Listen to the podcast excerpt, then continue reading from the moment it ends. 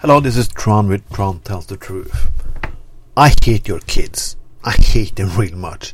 I think your hate kids are awful. They are not funny. They're not charming. I don't give a fuck what they do. So why do I have to watch pictures of them all day? I have some friends of mine on Facebook. Uh, maybe I'm gonna lose a, uh, a lot of them today, but I really don't give a shit how they put their kids' pictures on their wall.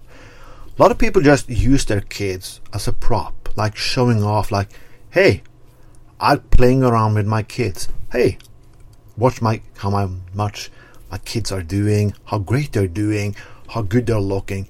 A lot of people just put likes on them, not because they like their kids, because or if they don't like their kids, if they put if they put likes on them, they show they're a good person. But be honest with yourself. You don't like anybody else's kids. You don't want their kids in your house every day, screaming, shouting, being a fucking prick, being annoying little fuckers. Like insects, like snakes, like rats just creep into your fucking ear. You don't like it. I don't like it. You don't like it. Not anybody likes it. So why do we hell kids so right so much? One day I, I wrote a little thing on Facebook called like, "Hey, I don't have kids today. I can do whatever fuck I want, playing video games, watching horror movies, drinking myself to sleep, and drink after I wake up from my sleep." But that was a great thing to say. Suddenly, a lot of people didn't want to be friends with me anymore. They didn't even want to talk to me next time I met, met them at a party meeting, in my political party. Why not? You don't like anybody else's kids at all. And I'm just honest. A lot of people just use their kids to get likes, use their kids because of the show off that they're good persons. But we all are a little bit of assholes. We all at one point have broke somebody's heart. Being an asshole when you're drunk or getting high or doing some something shit. But when you got kids, we have to show them off. We have to use our case to show, hey, look at us.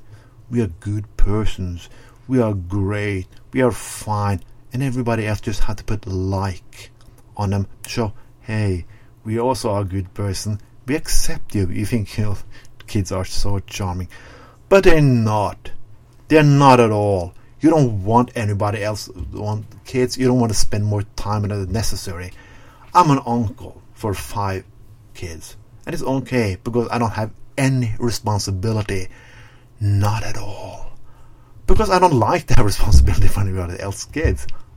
I think it's nice that I can talk to them, have a little fun with them, and when there's something serious, I can give it to the mom and pop. So that's why I never put like on people's kids on Facebook. But it's so scary that we have society where nobody can be honest. That we have to use our kids to show that we have a soft side ourselves oh, look, we love kids. Well, but we don't give anything to charity. We don't want to do anything voluntary work for anybody else. But hey, that's okay because I love my kids.